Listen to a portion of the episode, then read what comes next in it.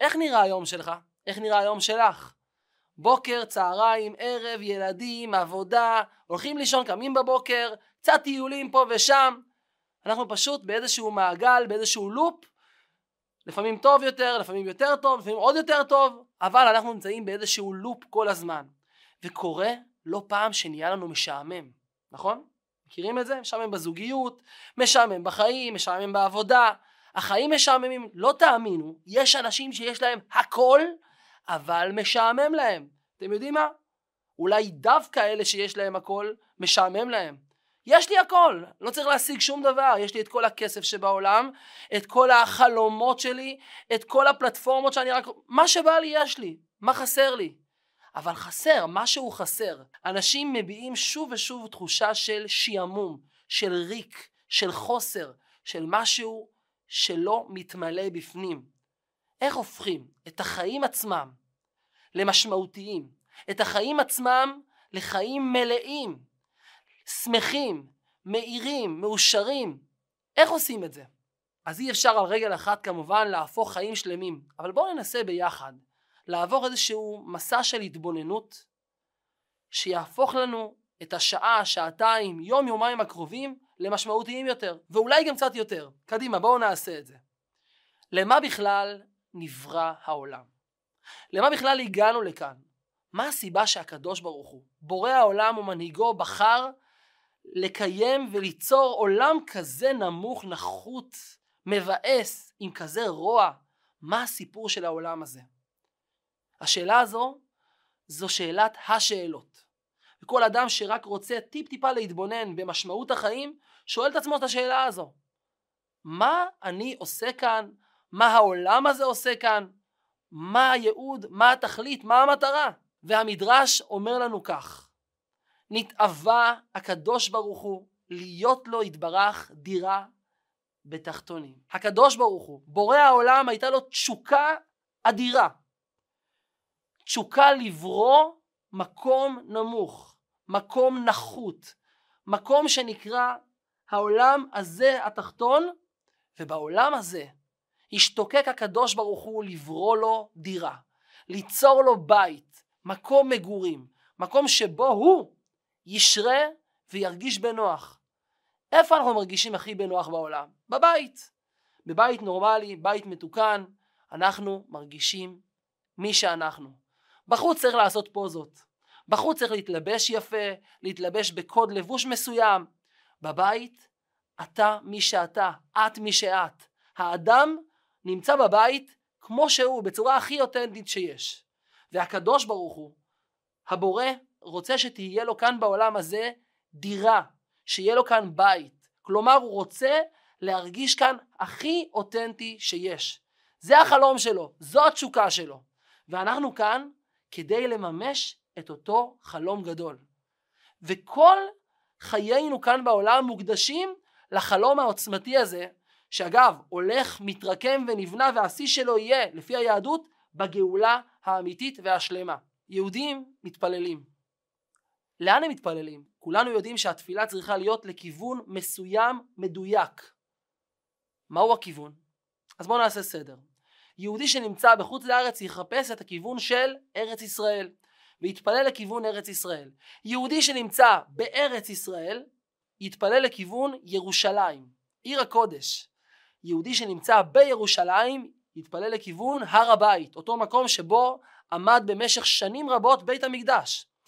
ויהודי שהיה בזמן בית המקדש עומד על הר הבית, עומד בבית המקדש, לאיזה כיוון הוא מתפלל? הוא מתפלל לכיוון קודש הקודשים.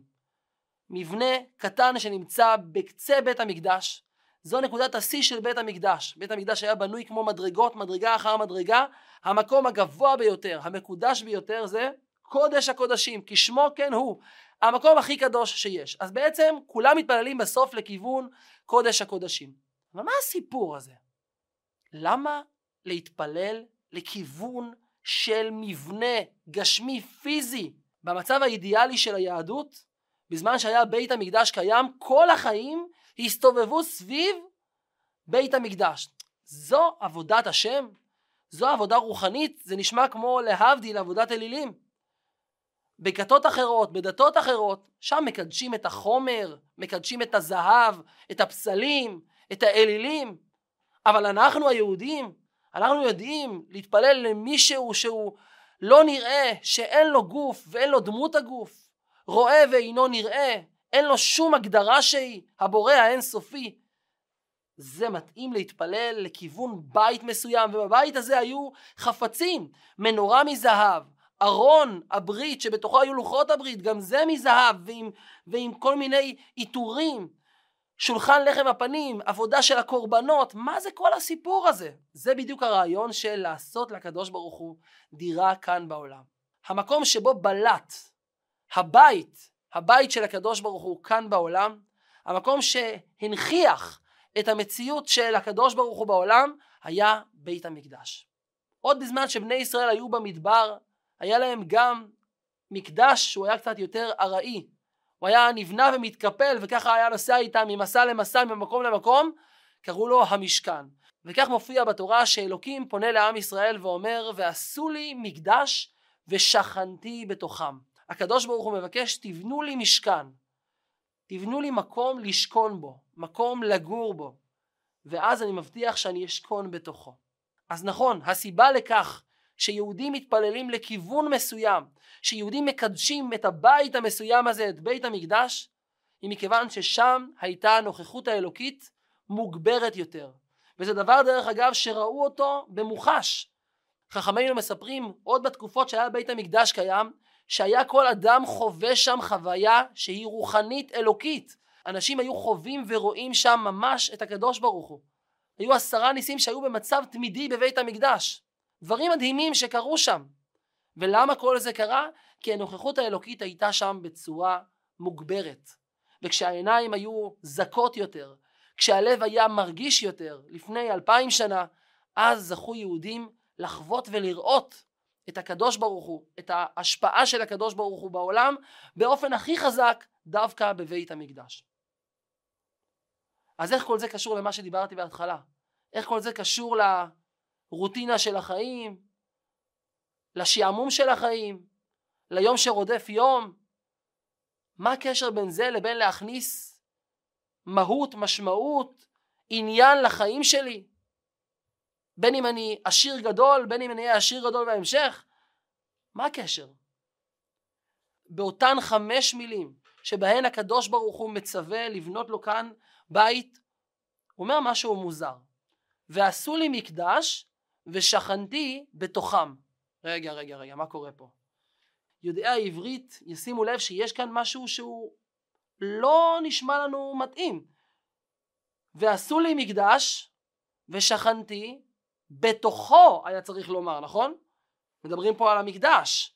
למה כתוב ושכנתי בתוכם ועשו לי מקדש ושכנתי בתוכם? וואו. כי זה מדויק. הקדוש ברוך הוא אומר לנו, תדעו לכם, שמטרת המקדש זה לא אותו משכן שליווה אתכם בכמה תחנות ואותו בית שנבנה בירושלים עיר הקודש. זה משהו שנמצא בתוך כל אחד ואחד. אומרים חכמי ישראל, ועשו לי מקדש, ושכנתי בתוכם, בתוך כל אחד ואחד. אז אנחנו רוצים להכניס את השכינה, את ההשראה של הקדוש ברוך הוא, את ההשראה האלוקית הגבוהה ביותר אל תוכנו. ועשו לי מקדש ושכנתי בתוכם. אז איך עושים את זה? מאיזה חומרים בונים את אותו מקדש שמנכיח, שמשרה את השכינה האלוקית בתוכנו. היה פעם בחור צעיר יהודי אמריקאי שהיה מאוד מבולבל. הוא עבר סערות בחיים שלו, הוא עבר דברים לא פשוטים, והוא היה פשוט בסערת רגשות ובמצבים לא פשוטים, והוא החליט שהוא חייב למצוא מזור ורפואה לנפשו. מה אפשר לעשות? הוא שמע על הרבי מלובביץ' והוא אמר, אני רוצה לדבר איתו. אני רוצה לשמוע ממנו מה הוא יכול לעזור לי. וכך הוא מחפש איפה נמצא הרבי מלובביץ', הוא מגיע ל-770, 770 איסטרן פארקווי בברוקלין בניו יורק, אותו בניין מפורסם שם הרבי מלובביץ' היה נמצא, מתפלל, מדבר ונותן עצות לאנשים והוא נכנס לתוך הבית ואומר אני רוצה לפגוש את הרבי. הוא אומר רגע זה לוקח כמה חודשים יש פה תורות ארוכים זה לא עובד אני חייב לדבר איתו היום אין מצב. וככה הבחורצ'יק נראה ניסר ורוצה לדבר עם הרבי היום. אומר לו איזה מישהו באוזן, תקשיב, תור רגיל להיכנס לרבי ייקח לך הרבה זמן, אבל תשמע לי, תחכה פה בקצה, הרבי יצא מהבניין, ילך בדרך הביתה, תעצור אותו, תיגש אליו. וככה הוא עשה. הוא מחכה, הרבי יוצא, הוא ניגש אל הרבי, הרבי כמובן מקבל אותו בסבר פנים יפות, כמו שהרבי קיבל כל אדם, ואז הוא שואל את הרבי משהו. שמעתי את זה מבחור שעמד שם בצד וממש עקב אחרי מה שקרה, הוא כמובן לא יכל לשמוע, אבל הוא רואה את הבחור הזה ניגש לרבי בסערה, מבולבל מאוד, והוא שואל את הרבי שאלה, ואז הרבי עושה לו כך. והוא אומר לרבי עוד משפט, ואז הרבי עושה לו כך. ובאותו רגע הוא פשוט פורץ בבכי ולא מצליח לעצור את עצמו במשך כמה שעות. הוא נכנס לתוך בית המדרש, מתיישב ובוכה ובוכה ונותנים לו לשתות ומרגיעים אותו, ובסוף הוא מספר, שאלתי את הרבי, איפה אלוקים נמצא? והרבי ענה לי, בכל מקום. אבל אז אמרתי, רבי, אני מתכוון ברצינות. אז הרבי אמר לי, בתוך הלב שלך. והדבר הזה טלטל אותו. אנחנו יודעים שהקדוש ברוך הוא, בורא העולם, נמצא בכל מקום. העולם לא מתנהל מעצמו, קורים דברים מדהימים בעולם, לא הכל אנחנו מבינים. קל לנו לדבר על מה שקורה ברמה הגלובלית, במיקרו. השאלה היא אבל, מה קורה בתוך הלב שלי? וזה לרציניים בלבד. אם אנחנו מתכוונים ברצינות, כמו שאמר אותו יהודי לרבי, רבי, אני מתכוון ברצינות, או, אתה מתכוון ברצינות? קדימה. תדע לך שאלוקים נמצא בתוך הלב שלך. עבודת השם שלנו, העבודה האמיתית שלנו, זה לחבר את הקדוש ברוך הוא ללב שלנו. למצוא את השכינה של הקדוש ברוך הוא כאן בתוך הלב. ועשו לי מקדש ושכנתי בתוכם.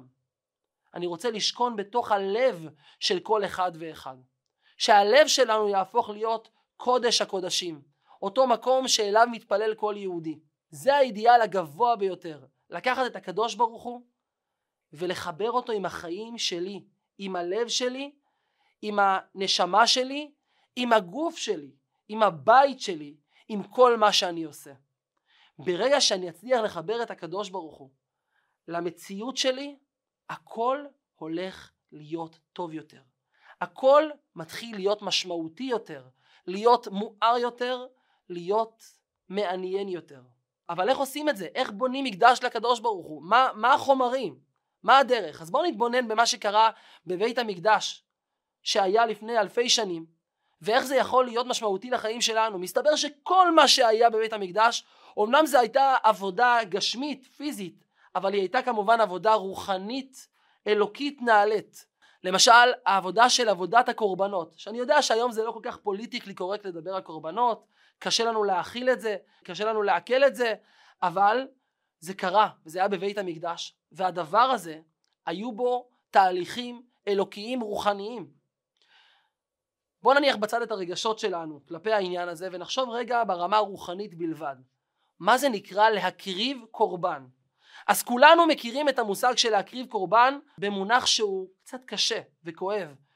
יש קורבנות, יש משפחות שיש להן קורבנות, שהשם ישמור ולא יהיו יותר דברים כאלה. יש את קורבנות השואה, יש קורבנות, אנשים שמקריבים את חייהם במובן של מוות למען העם היהודי, במובן של שכול, במובן של אובדן. אבל האמת היא שקורבן זה לא רק במשמעות הזו. קורבן, בוא נשים לב למילה קורבן. קורבן זה מלשון להתקרב, להיות קרובים יותר. לא סתם הקורבנות נקראים קורבנות. עבודת הקורבנות בבית המקדש זו עבודה שהמטרה שלה הייתה ליצור התקרבות רגשית לקדוש ברוך הוא. המטרה הייתה שהאדם יעבור איזשהו תהליך רגשי של חיבור וקשר עם בורא העולם, של התקרבות. אז זה למעשה מה שאנחנו היום רוצים גם לעשות. להביא את עבודת הקורבנות לחיים שלנו. מה זאת אומרת? מה זה אומר על החיים שלנו? אז נשים לב שעבודת הקורבנות הייתה דווקא עם בהמות. כתוב בתורה, אדם כי יקריב מכם קורבן להשם. אם אדם רוצה להקריב קורבן לקדוש ברוך הוא, מאיפה הוא לוקח את הקורבן? מן הבהמה, מן הבקר ומן הצאן תקריבו את קורבנכם.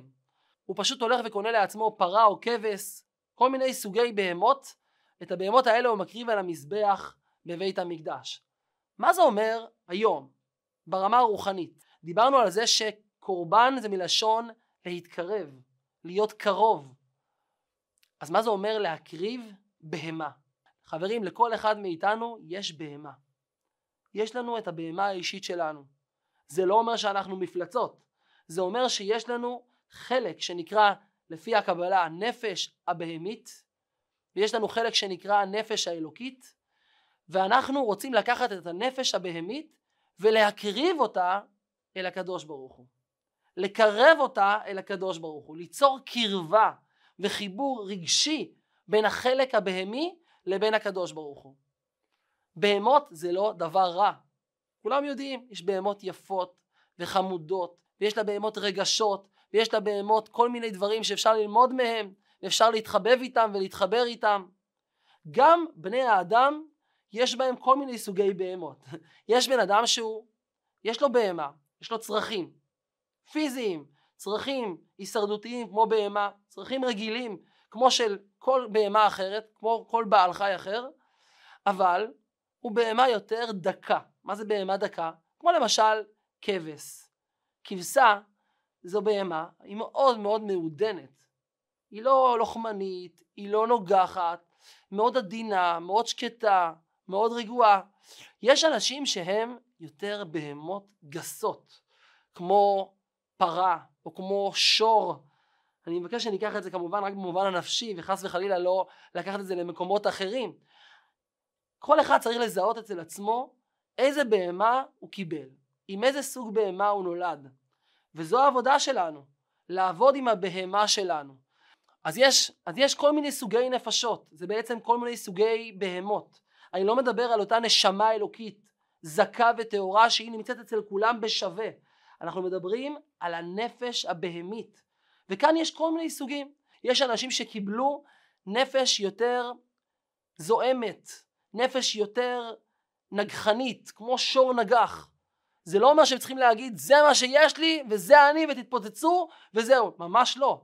אם קיבלתי כזו נפש זה אומר שאני רוצה לעבוד עם אותה נפש. אני רוצה לרתום את אותו שור שלא ילך וינגח אנשים אחרים, שלא ילך ויפגע בדברים, יפגע באנשים, יעשה דברים שלא מתאימים. אני אקח אותו, ירתום אותו ואחרוש איתו את השדה. יעשה איתו דבר מועיל ודווקא מהשור הזה יוצאים דברים אדירים יש אנשים שהבהמה שלהם היא מעודנת יותר אולי כמו פרה או כמו כבשה שזו ממש ממש בהמה מעודנת אבל זו גם בהמה וגם אותה אני רוצה לרתום למקומות הנכונים ויש לנו את האפשרות לקחת את הנפש הבהמית ולחנך אותה לעצב אותה לחבר אותה לרתום אותה למשהו גבוה יותר. כי יש לנו בחיים את החלק של החיצוניות, של החומר, של מה שאנחנו פוגשים כל הזמן, בבוקר, בצהריים ובערב, בזוגיות שלנו, בפרנסה, בכסף שלנו, בעסקים שלנו, בטיולים שלנו, הכל בסוף זה מעטפת חיצונית. ויש את הנפש שלנו שפוגשת את זה גם מהמקום החיצוני שלה, מאותו מקום של שור נגחן, או מקום של בהמה שהיא יותר רגועה, יותר מתורבתת, יותר מנומסת. אבל מה המטרה? המטרה שלנו היא לקחת את הבהמה שלנו ולגרום לה להתענג וליהנות ולמצוא דווקא את הדברים הגבוהים והרוחניים יותר. המטרה שלנו היא שהנפש הבהמית שלנו תחפש את הרוחניות קצת שבתוך החומר. אם מדברים על זוגיות, אז זה להכניס בתוך הזוגיות לא רק את המעטפת החיצונית, לא רק את החלק החומרי של חיי הזוגיות, אלא גם איזשהו מימד רוחני גבוה יותר. מימד אפילו של קודש להכניס לתוך החיים. והדבר הזה לא צריך להיות מנותק מהנפש הבהמית שלנו, להפך. כל המטרה של בית המקדש הייתה לקחת את הבהמות ואותם לקרב לקדוש ברוך הוא. כל המטרה שלשמה נבראנו כאן בעולם, כל המטרה שקיבלנו את אותן בהמות שמלוות אותנו כל החיים, זה כדי לחבר אותם אל המשהו הגבוה יותר. וכשאנחנו מצליחים לגרום לבהמה שלנו, לנפש הבהמית שלנו, להתחבר, להשתוקק, לאהוב משהו גבוה יותר, קדוש יותר, רוחני יותר, אנחנו בעצם קירבנו את עצמנו לקדוש ברוך הוא. בעצם עלינו ל-level גבוה יותר, הכנסנו מימד עמוק ומשמעותי יותר לחיים שלנו. אז אנשים חושבים שאת הקדוש ברוך הוא מחפשים רק בבית הכנסת, או רק בתוך המצוות, וזו טעות. את הקדוש ברוך הוא מחפשים בבית, בחדר, בחדר השינה, במטבח, בסלון, בכל דבר שאנחנו פוגשים בחיים שלנו, אנחנו רוצים למצוא את המימד הגבוה, הקדוש, הרוחני יותר, את הקדוש ברוך הוא. ועשו לי מקדש ושכנתי בתוכם. אתה רוצה להרגיש אותי בתוך הלב שלך? אתה רוצה להרגיש את המשמעות האמיתית של החיים שלך? תעשה מקדש. תקדש את הגשמיות. תקדש את החול. תקדש את החומר. בשביל זה נבראת כאן בעולם ולא נשארת בעולם הנשמות. וכאשר עושים את זה ומחברים את הנפש הבהמית עם הקודש, מחברים את הבית, את הדברים הגשמיים, החומריים, עם משהו רוחני, אמיתי, גבוה, נוצר כאן משהו אדיר, משהו ממלא, משהו מספק, משהו אמיתי, שמשפיע גם על החיים שלנו, גם על החיים של בני הזוג שלנו, גם על החיים של הילדים שלנו, וגם על העולם כולו. ואתם יודעים מה? לא רק בעולם הזה, זה משפיע גם בכל העולמות העליונים. כי הרי לפי הקבלה יש גם עולמות עליונים, יש עולם האצילות, עולם הבריאה, עולם היצירה, עולם העשייה, יש עולמות רוחניים, גם הם מושפעים מאותה פעולה שלנו כאן בעולם.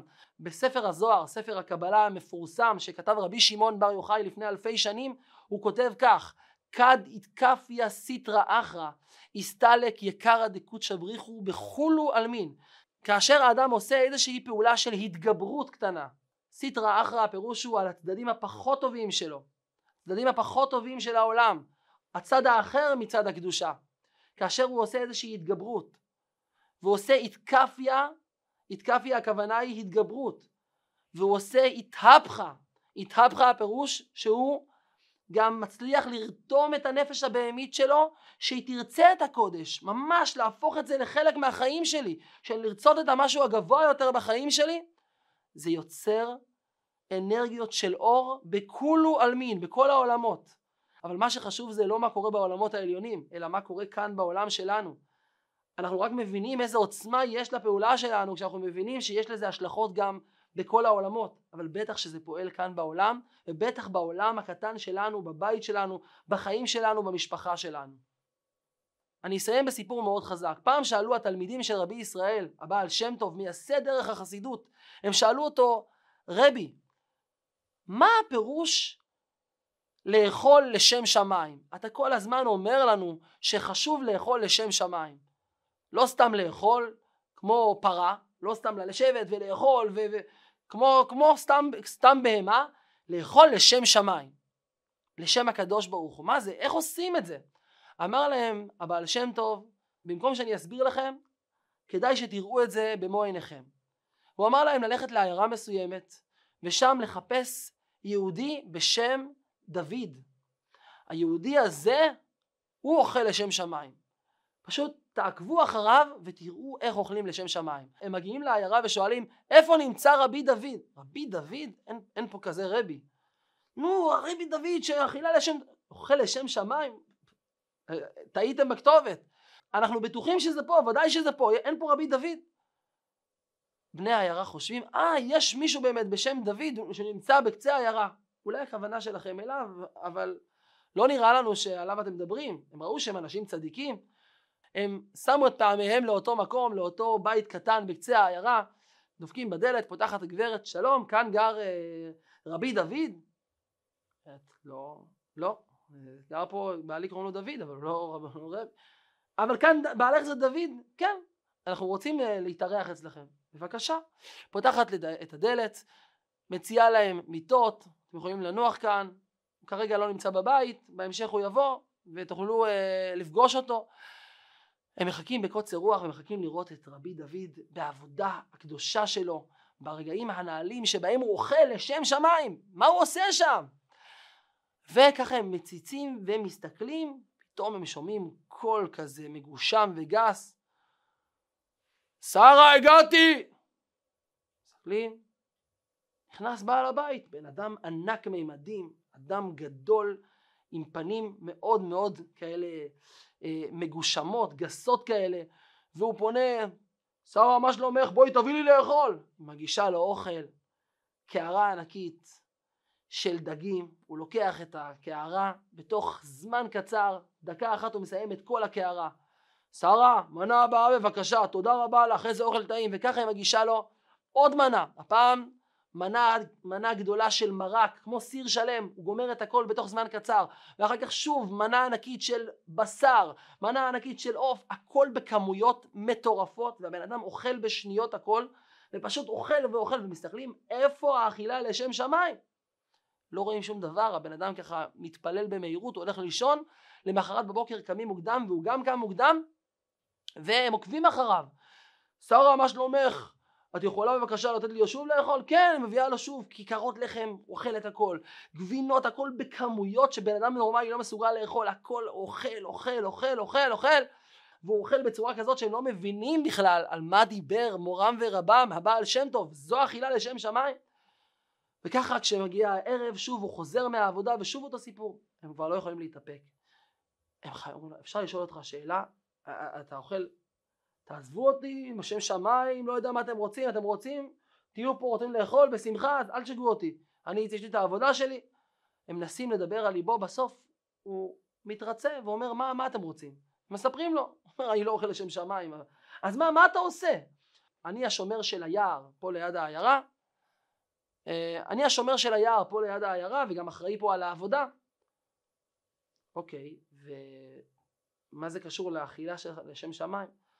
ואז הוא מספר להם כך: לפני כמה שנים אני עומד ביער ושומר כדרכי באמצע הלילה עובר שם יהודי ואני רואה שמתנפל עליו שודד רצחני ופשוט עומד להרוג אותו. קפצתי עליו ופשוט העפתי אותו והוא פשוט ברח. אז אמרתי לעצמי רגע דבר כזה שקורה כאן מול העיניים שלי יש כאן הרי מכל הכיוונים אנשים שלא אוהבים את היהודים בלשון המעטה יש כאן שודדים מכל הכיוונים סכנת נפשות ללכת כאן אני ראיתי עכשיו במו עיניי בן אדם שכמעט נרצח בצורה אכזרית. ומה היה קורה אם היו כאן שני שודדים או יותר? האם גם אז הייתי מסוגל לעמוד ולהגן על אותו יהודי? ומה יקרה אם יהיה פה חבורה ענקית? אמרתי לעצמי, אני חייב לעשות הכל כדי להציל את אחיי היהודיים. ומאז החלטתי למסור את חיי כדי להיות השומר הכי אימתני. ליצור פחד ואימה ומורה על כל השודדים שלא יעזו להגיע לכאן לאזור. מאז אני מתאמן יום יום. אני עושה הכל כדי להגן על אחיי היהודיים. אני גם אוכל טוב, אני משקיע בזה מאוד, וזה מה שנותן לי את הכוח לשמור על היהודים. תלמידים חייכו, אמרו לו תודה רבה והבינו. זו אכילה לשם שמיים.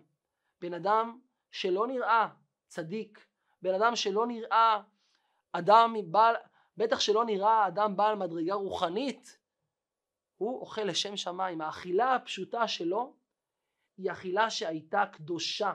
היא אכילה שהייתה לא בשביל עצמו, לא בשביל האינטרס שלו, האגו שלו, הבהמה שלו, אלא כדי להגן ולעזור ולהציל יהודי אחר. כדי להתחבר בסוף לקודש. זה נקרא לשם שמיים. אז אנחנו גם, כמובן לא בצורה כזו, רוצים לחבר את האכילה שלנו, את השתייה שלנו, את הטיולים שלנו, את ההתנהלות בבית שלנו, את ההתנהגות שלנו, את הדברים החומריים, הפיזיים, הגשמיים, הרגילים, השגרתיים, להפוך אותם למחוברים עם הקדוש ברוך הוא, להפוך אותם לאכילה לשם שמיים. זה באמצעות ברכה לפני האכילה, אחרי האכילה. למשל אפשר לעשות את זה באמצעות אכילה של דברים שראוי ליהודי לאכול. לברך לפני האכילה, יש ברכה לכל מאכל, לזכור שהאכילה הזו היא לא רק למלא את הצרכים שלי ואת האגו שלי ואת את הבהמה שלי, אלא יש פה גם משהו קצת יותר מעודן שנמצא כאן בתוך המטבח. לדאוג לאנשים אחרים שיאכלו גם. אם אנחנו מרוויחים כסף, להפריש ממנו קצת לצדקה. ברמה הכי טובה זה לתת 10% מהרווחים לצדקה, להתרגל לתת צדקה. זה אומר שאנחנו מקדשים, זה בעצם לקחת את הכסף, את הפרנסה ולקדש אותה, להכניס מימד עמוק, אמיתי, לחיים החומריים שלנו, וכך בזוגיות גם, להכניס את הנושא של טהרה, זה משהו שהופך את הזוגיות למשמעותית יותר, מהותית יותר, וכל אחד במקום שבו הוא נמצא, כל אחד במקום שבו היא נמצאת, לחפש איך לחבר את הקדוש ברוך הוא לחיים שלי, את החיים שלי עם הקדוש ברוך הוא. ואז הרוטינה הזו, השגרה הזו, החיים האלה הופכים להיות מלאים יותר, מהותיים יותר, משמעותיים יותר, ועשו לי מקדש ושכנתי בתוכם, בתוך כל אחד ואחת.